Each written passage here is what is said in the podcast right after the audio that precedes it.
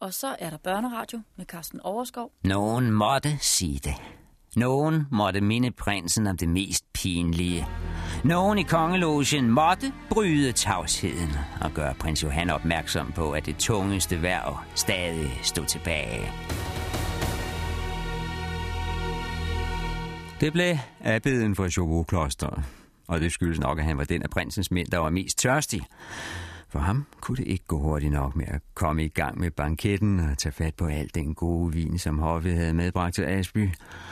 Så i sin bedre nød, tvunget af et skrigende væskebehov, med tungen klistret til ganen og mundhulen støvet som en spansk højslette i august, fik Abbed en pin de få ord frem, som ingen andre turde sige, deres majestæt, deres majestæt, husk, at vinderen også skal kåre årets skønhedsdronning. Og ganske rigtigt. Der gik et stød gennem prins Johan ved de ord. Harmen og ærgelsen troede med at sprænge ham indefra. En hver kunne se vreden koge op i ham – for et var, at denne ukendte ridder havde vundet dagens turnering og snuppet førsteprisen for næsen af prinsens mand. Et var, at denne ridder arveløs, som han kaldte sig, denne ridder arveløs, at han nu blev hyldet af alle på stadion og red den ene æresrunde efter den anden, mens bifaldet skyllede ned over ham. Og han ovenikøbet red på den prægtige hingst, som prinsen selv havde stillet til rådighed som første præmie. Det var slemt nok alt sammen, men det værste, det værste, det var lige godt, at denne elendige vinder også havde ret til at udpege den smukkeste kvinde på stadion og krone hende som årets dronning. Hende, der skulle trone over skønhed og elskov og overrække priserne under resten af turneringen. Hun skulle kores af en ukendt stratenrøver. Det var det, der harmede prinsen mest. Han havde jo sin egen kandidat, den sorthårede Rebecca. Hende havde han ventet på at komme i lag med hele dagen. Alt var aftalt med frankerne. Det kunne ikke slå fejl og så kommer der en ud fra bølandet, som ingen har hørt om før, og ødelægger det hele. Fejrer veltjente, værdige mestre ud af banen, scorer førsteprisen uden videre. Prins Johan frygter det værste nu.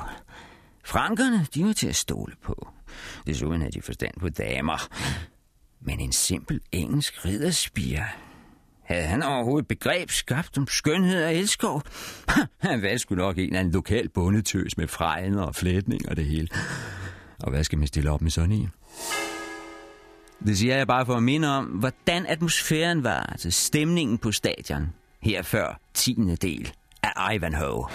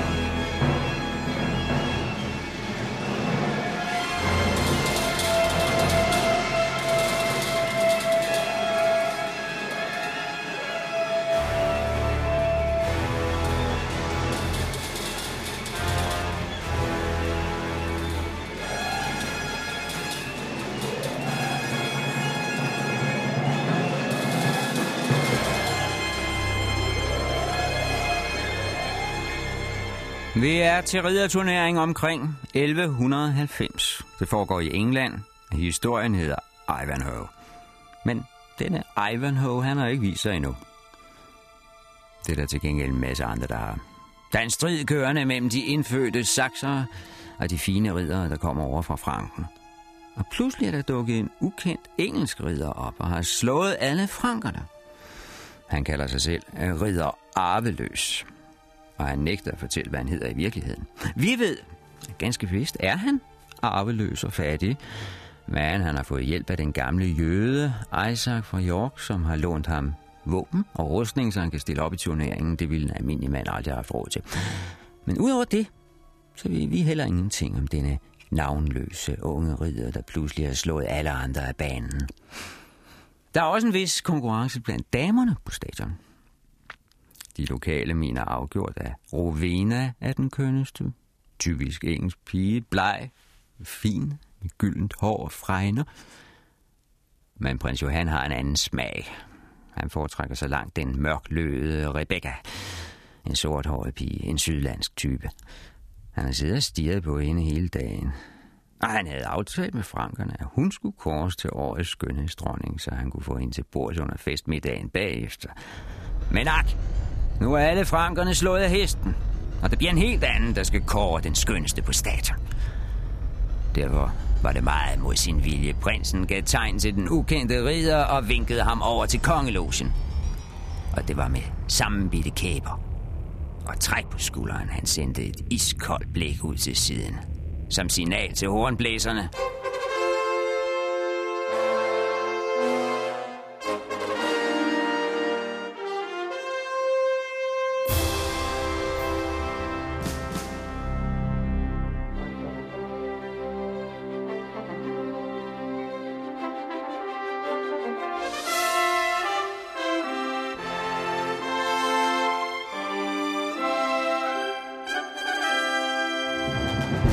Peder Arveløs havde afbrudt æresrunden og holdt nu på sin pragthest foran kongelogen.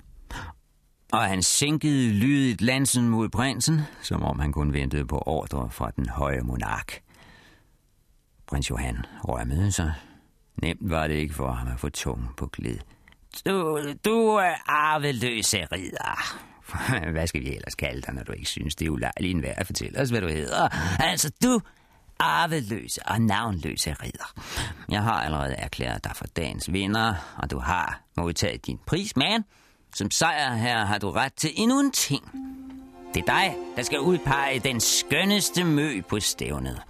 Hende, der skal sidde på kvindernes trone i morgen og i overmorgen som ærens og elskovens dronning.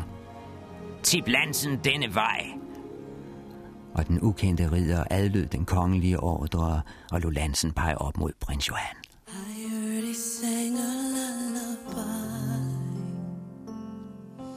I heard he sang it from his heart. When I found out, thought I would die. Because that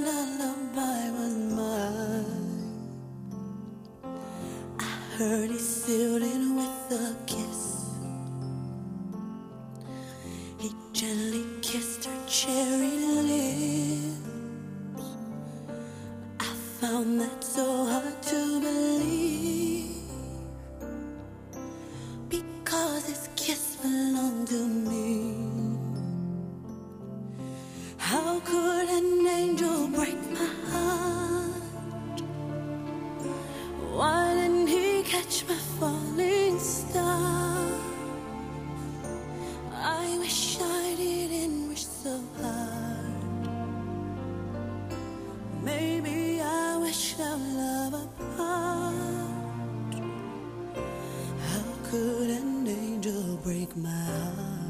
prinsen tog en lille krone.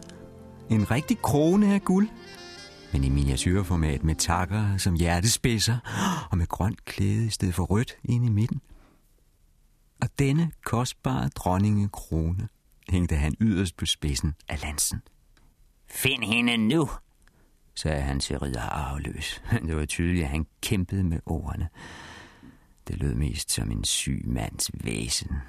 Se dig om find din udkårne. Men lad det gå lidt kvikt, vi kan ikke vente hele dagen.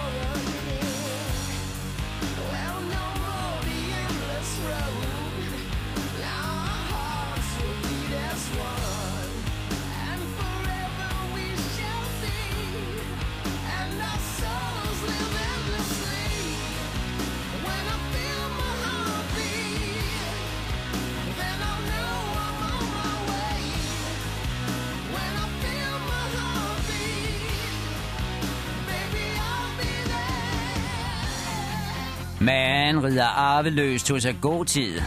Langsomt red han arenaen rundt. Det var som om han trak det i langdrag med vilje. Når det nu var hans ret at vurdere alle de smukke damer, ja, så ville han sandelig benytte sig af den ret.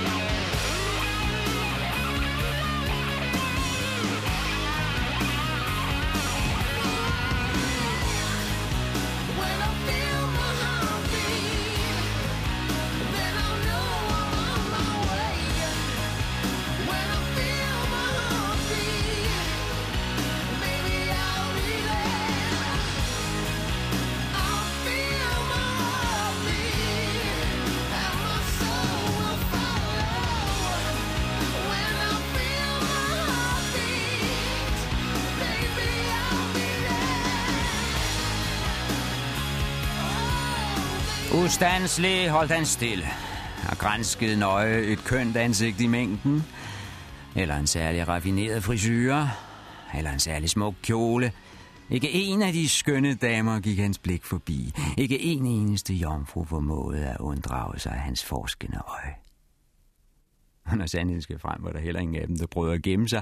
For i denne sejrens stund, der havde han vundet alle hjerter, ikke mindst pigernes, og han kunne have fået, hvem han pegede på.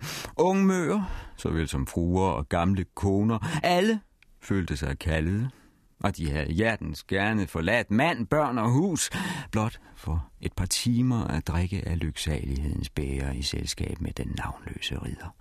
Hvor arveløs han end var, så var de kommet til ham på hans mindste vink og havde fulgt ham uden tanke på rigdom eller bare forsørgelse.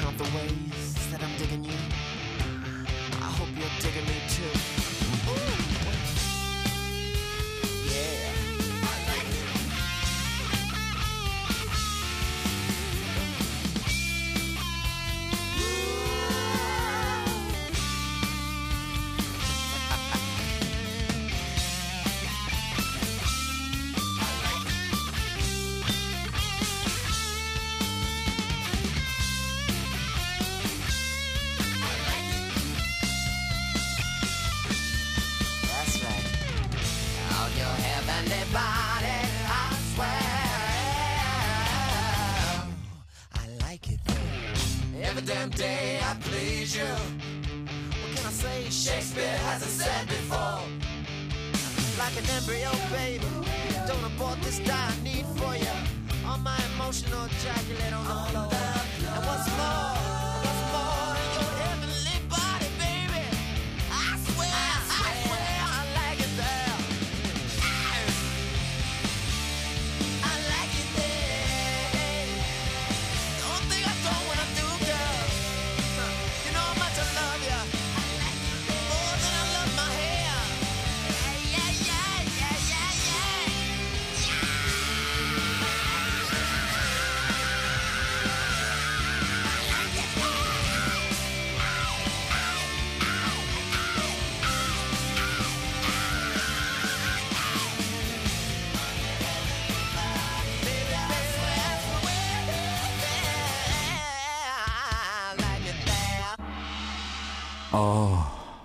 Give livet til denne ukendte ridder. At få lov at give sig hen til denne tabre mand, der havde forsvaret Englands ære så overraskende og suverænt. At blive hans personlige udkårne. Dog, det tog de færreste drømme om. Kvinder er trods alt realister. Men mindre kunne gøre det. Blot det at blive kåret til skønhedsdronning af denne mand. Rejekællinger håbede på deres held, såvel som kvapsede tøser fra landet, red magere stormands døtre, stak brystkassen frem, mens deres mødre sugede mellemgulvet ind. Stovte bondekoner tog hætten af og glattede på håret, mens værtshusmadammer arrangerede om på kjolen for at fremstå fra deres mest fordelagtige side. Også egens førende skønhed havde pludselig fået travlt med at nette sig, vise sig i alt deres glans og herlighed, over de håbede, øh, over de drømte, over de så sig selv blive håndplukket af denne mand. I don't wanna be alone, where is my bed?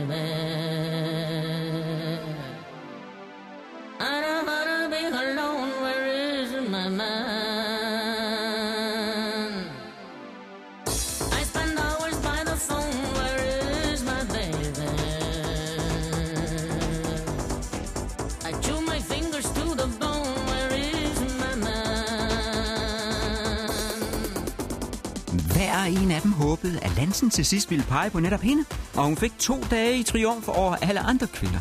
Blot to dage med den grønne krone. I de bløde puder på skønhedsdronningens tronsæde. To dage, der ville gøre resten af livet værd at døje.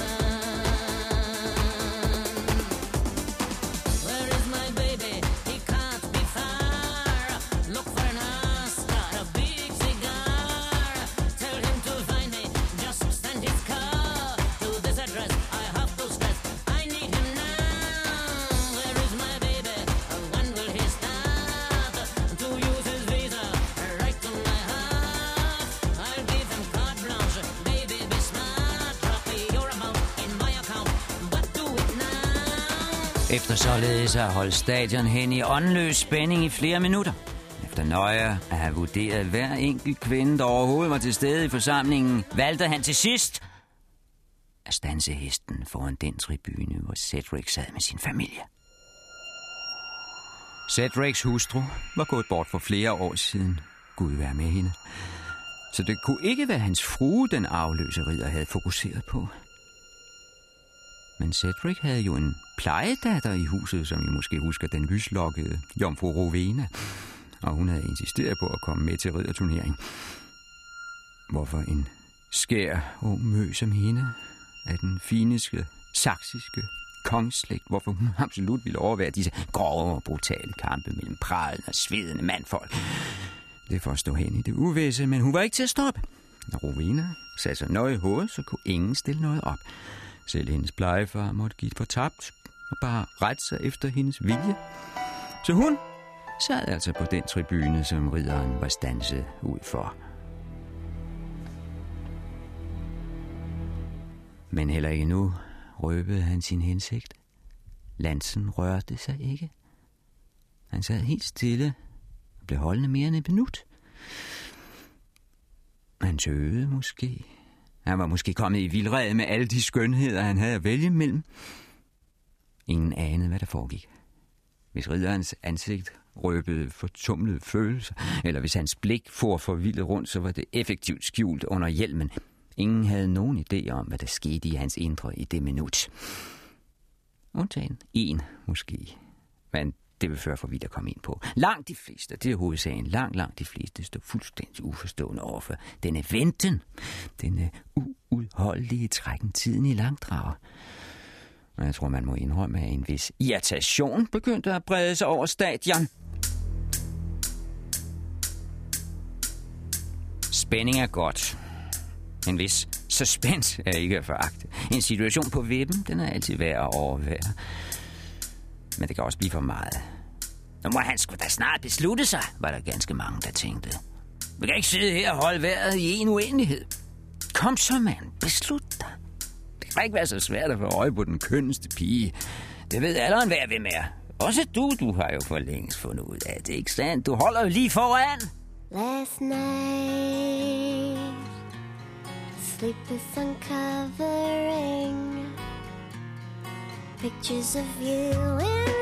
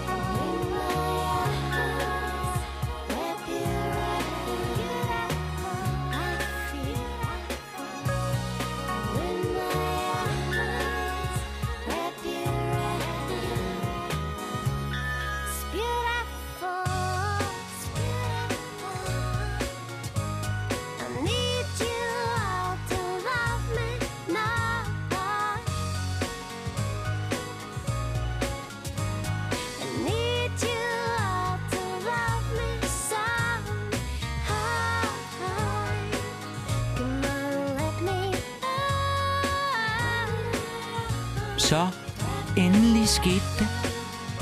Den ukendte ridder sænkede lansen, så den grønne krone ud på spidsen langsomt svævede ned over tribunen. Guldet glimtede mod den blå himmel, og det grønne fløjl hang som en saftig frugt over alles hoveder. Indtil han i et sidste dyk med lansen lå kronen dale ned for fødderne af jomfru Rovina. Endnu en gang gjaldede trompeterne og herolderne sprang ind på banen og løb rundt og rundt og råbte Rovenas navn ud i alle verdens hjørner.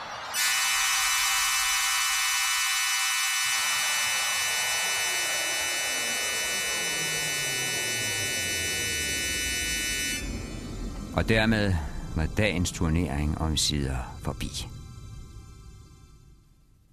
Hvad Rovena følte, da hun så guldkronen dale ned på fødderne, det får man ikke at vide i den gamle historie. Den slags detaljer bekymrede de sig ikke meget om.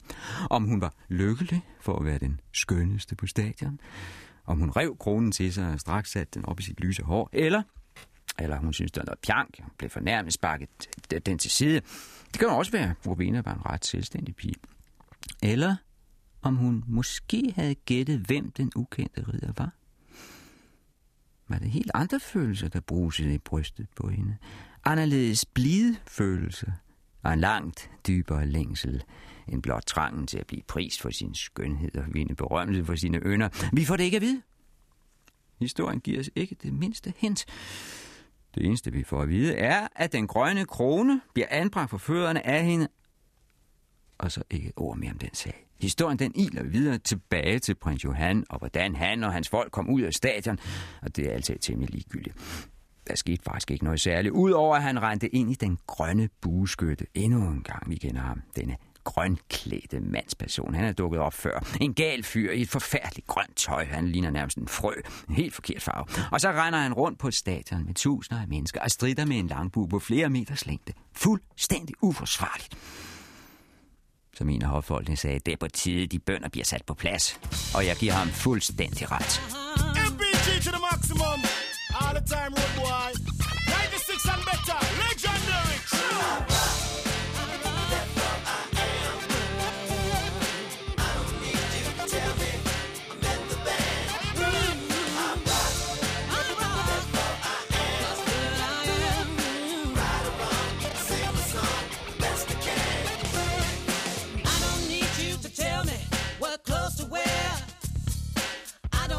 Suggestions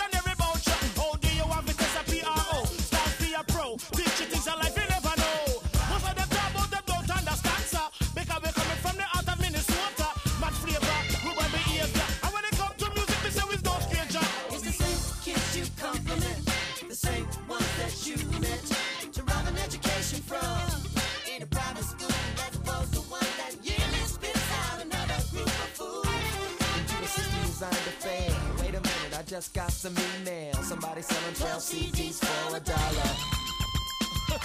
Maybe wanna holler.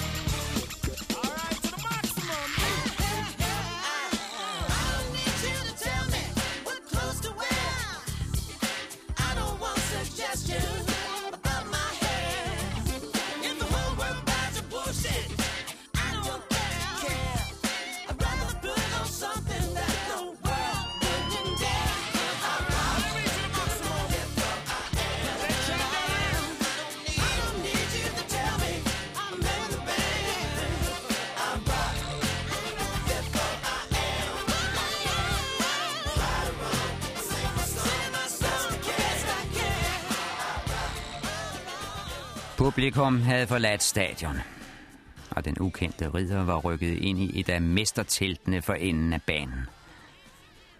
Jeg beklager meget. Vi er nødt til at blive ved med at sige den ukendte ridder. Eller den navnløse ridder. Eller ridder arveløs, som man selv foreslår. For han har stadig ikke oplyst sit rigtige navn. Hverken fornavn eller slægtsnavn. Det er besværligt. Det klodset, det er irriterende, og jeg aner ikke, hvad det hemmelighedskræmmeri skal til for, men sådan er det altså. Denne anonyme mand. Han havde overtaget et af de fem riddertelte, der stod for enden af banen. Resten stod tomme nu, for han havde jo slået alle de fem gamle mestre ud af turneringen. Lidt ensomt, må man sige. En mand og fem telte. Og det er ikke spejdertelte, vi taler om. Det var store, solide telte, syet af stærkt stof i kraftige røde og grønne farver og med guldbroderier overalt. Grundplanen den var på størrelse med to villatelte, og de var dobbelt så høje. To mand kunne stå på skulderen af hinanden, og dog ikke nå til toppen. Og der sad ridder arveløs. Mutters alene, bortset fra en enkelt svend, men han var ikke noget at skrive hjem om. Den Svend, han var temmelig svinsk, for at sige det som det er. Væbner, det kan man ikke kalde ham. Dertil var han for grovkornet og ubehøvlet i sit væsen. Væbner, det ville være alt for fint. Men, men Svend, det går lige an. En simpel bonde kal. Intet som helst andet. Måske lige hentet ind fra mødingen, eller halet ud af et værtshus efter lukketid, sådan så han i hvert fald ud. Klædt i en beskidt mørk kappe, og med fjeset gemt i en laset pelshue. Faktisk var det mest af hovedet skjult af denne klump af gammel revepels. Højst ejendomlig hovedtøj på en lun dag som i dag, hvor solen skinnede fra en skyfri himmel. Denne afrakket støder det var alt, hvad vores nye mesterrider havde selskab i denne stund. Her havde han her havde han kæmpet hele dagen, overvundet de andre en efter en, været hyldet af tusinder, såvel begejstrede mænd som smægtende kvinder. Men nu efter bedriften, nu da mesterskabet skulle fejres,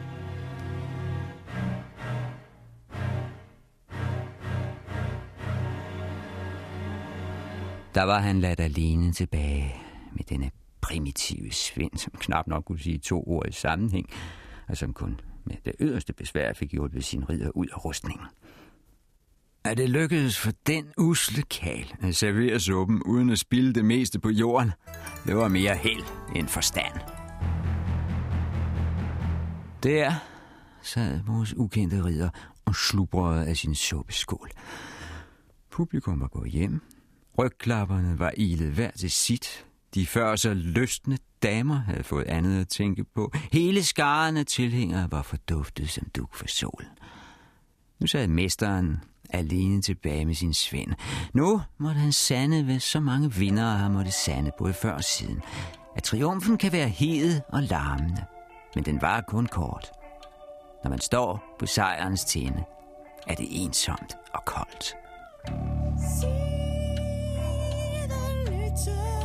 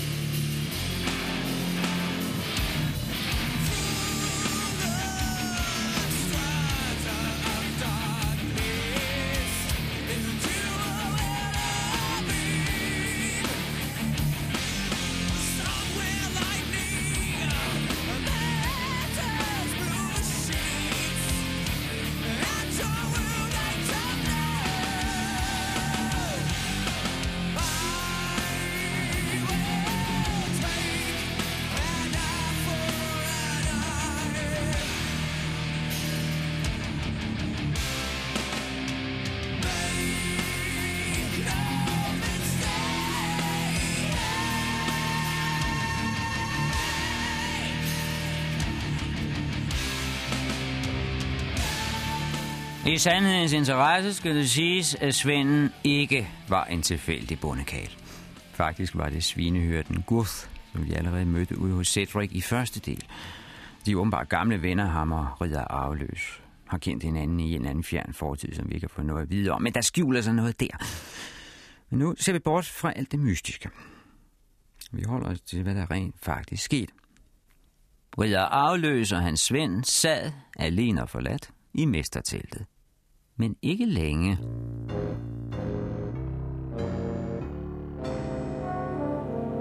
Nu kom de nemlig slæbende med dagens største gevinst. Det bytte sejrherren havde scoret fra de overvundne. Fordi selve præmien, man fik, det var det mindste af det. En stridshængst fra prinsens stald samt retten til at krone årets skønhedsdronning. Det var småting i forhold til det, man fik fra de besejrede. De skulle nemlig aflevere den hest, de havde reddet på i dysten, den rustning, de havde båret, og de våben, de havde kæmpet med, det vil først og fremmest sige sværet, for Lansen, det var jo stort set bare en græn rafte. Det, der skete nu, det var altså, at de fem væbnere fra de fem overvundne ridere kom hen til den nye mesters telt, hver trækkende på en herlig stridshængst. Og med hver en flok trælle, der slæbte afsted med 80 kilo rustning og våben. Og disse fem hold, de tog pænt opstilling uden for teltdøren.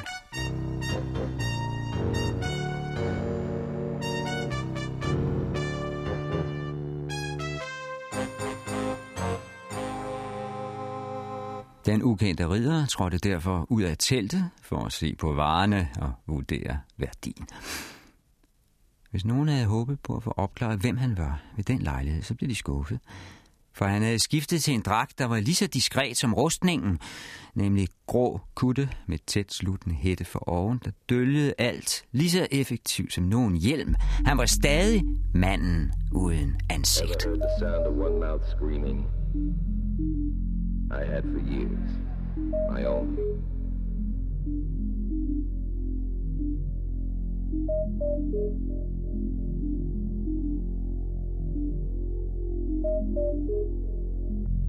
I didn't want to go home.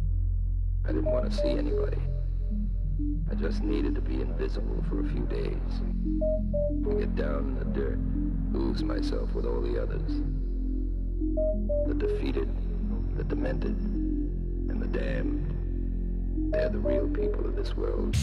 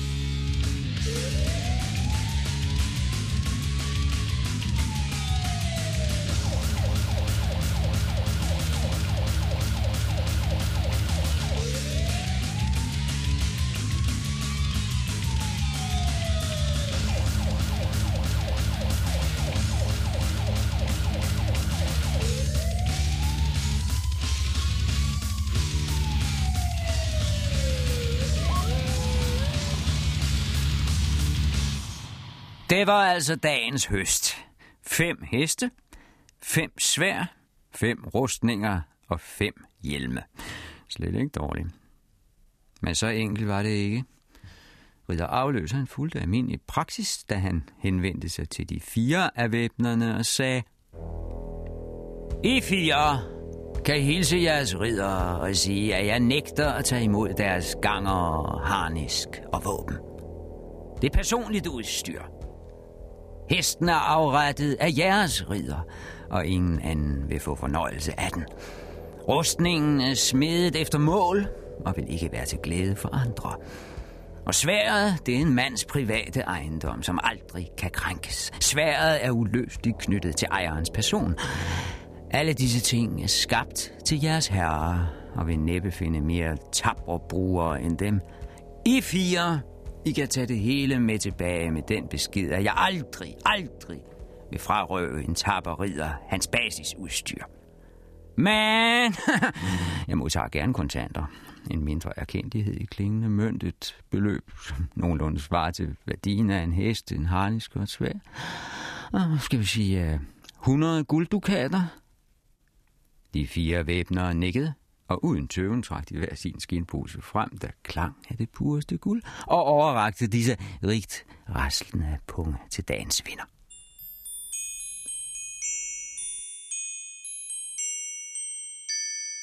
Lige penge, som jeg siger. Det var ikke nødvendigt at tælle efter i de fire lederposer. Alle vidste, hvad prisen var for et nederlag. På den måde blev den ukendte ridder 400 gulddukater rigere. De fire væbnere kunne træske tilbage med deres herres heste, og trællene tog fat på at slæbe 80 kilo rustning tværs over banen en gang til. Frem og tilbage. De havde svedt til ingen verdens nytte, men det vidste de på forhånd. Det var der ingen, der knurrede over, for sådan var sæd og skik.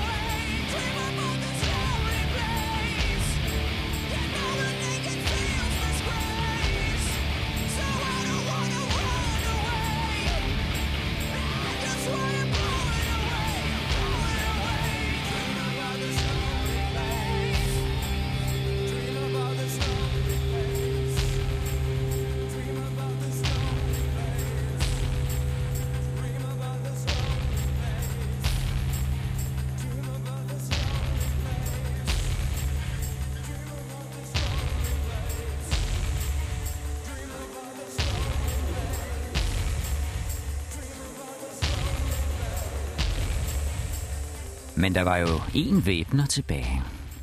Der stod stadig et helt sæt ridderudstyr og ventede. Hest, harnisk og svær. Og det var det, der havde tilhørt Bois Det var stormesterens grej. Det var de våben, mesteren over alle mestre havde haft i dag, kæmpet med og tabt.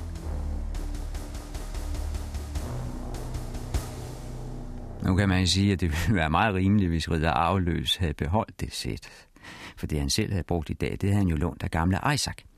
Hvis han nu beholdt Bois hest og rustning og svær, som han havde fuld ret til at gøre, så havde han sit eget udstyr fremover og kunne levere den sorte hest og den gyldne rustning tilbage til jøden. Intet ville være mere naturligt, end at han overtog den gamle mesters grej og ridedyr. Men endnu en gang må jeg sige, så nemt slipper vi ikke.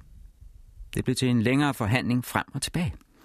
Først tog ridder afløs ordet og sagde, Vel er jeg arveløs og har ikke ejet en klink indtil nu. Men jeg vil hverken modtage hest, våben eller penge fra min tabre kollega Frankernes største ridder, Brian de Boisgilbert.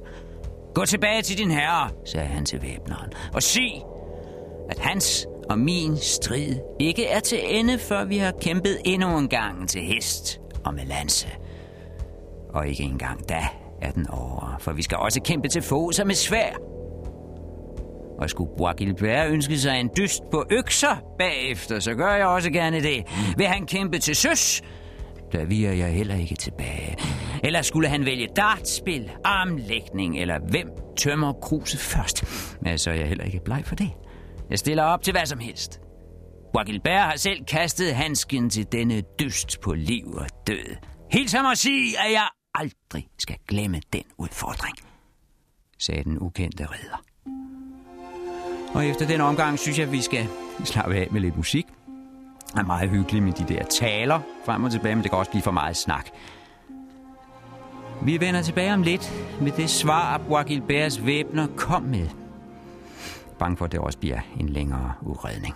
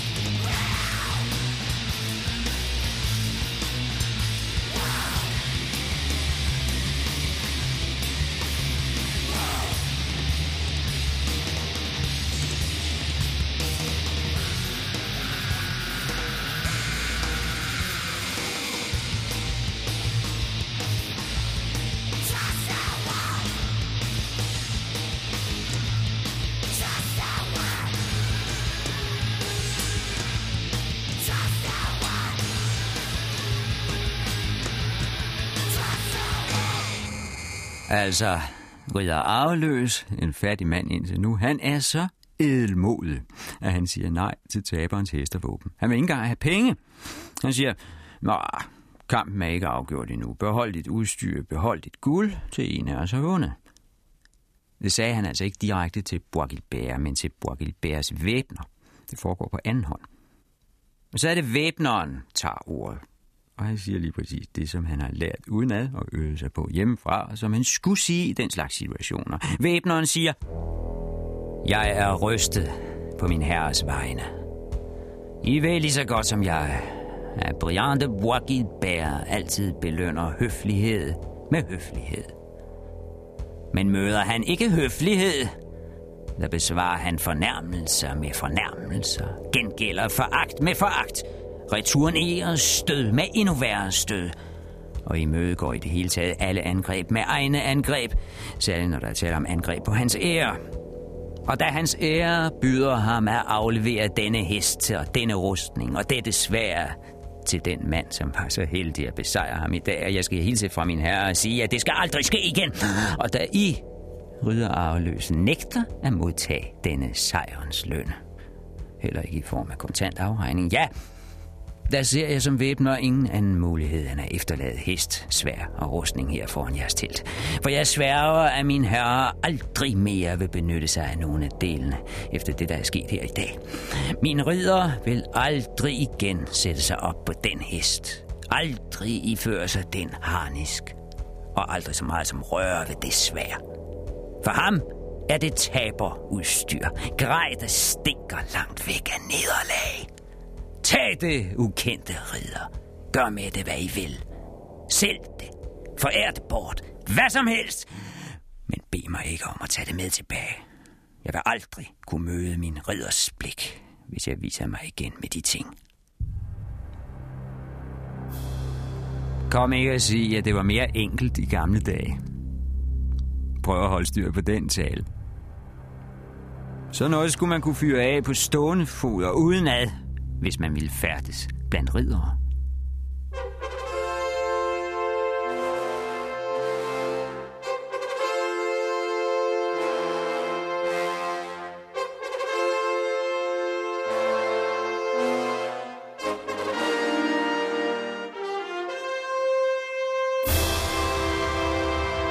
Vi er ikke færdige med forhandlingerne endnu. Tro ikke det. Faktisk er det hele gået i hårdknud. Dagens store taber, Bois Gilbert, har sendt sin væbne for at aflevere prisen til vinderen, enten hest og våben eller penge. Men vinderen nægter at tage imod prisen. Det er ære mod ære, og værre kunne det ikke blive dengang. Men også det var der en fast løsning på. Ridder afløs behøvede næsten ikke sige det næste, han sagde. Alle vidste, det ville komme. Den unge, ukendte ridder så væbneren lige i øjnene. Han smilede, og så kom det. Veltalt, væbner. Det var stærke ord og godt turneret. Rart at høre, at I frankere stadig er godt skåret for tungebåndet. Når man tænker på det frygtelige forfald, frankeriet ellers er ude i. Når man tænker på jeres stigende slaphed. Når man tænker på den øsselhed og pyntesyge, der plager jer som pesten. Når man tænker på hele den nedtur, som tegner sig for jer Franco, så kan jeg kun ønske én ting for jer. Måtte I aldrig miste talens brug, for så har I tabt det sidste jeg. Men du, kære væbner, du skal ikke gå tomhændet herfra. Når jeg nægter at modtage din herres hest og harniske svær, og han ikke vil se de ting igen, ja, så må du beholde dem. Tag ind og sælg dem på den nærmeste borg, og betragt din fortjeneste som løn for en stor tale, du holdt på en stor dag, på vegne af en stor mand. Og med de ord må vi slutte tiende del. Vi har ikke tid til flere taler. Næste gang går vi over til de mere alvorlige forretninger. Piger med tegnedrengen i orden. Natlige pengeoverførsler. Røveriske overfald i mørket. Men altså først om en uge. I næste del af Ivanhoe.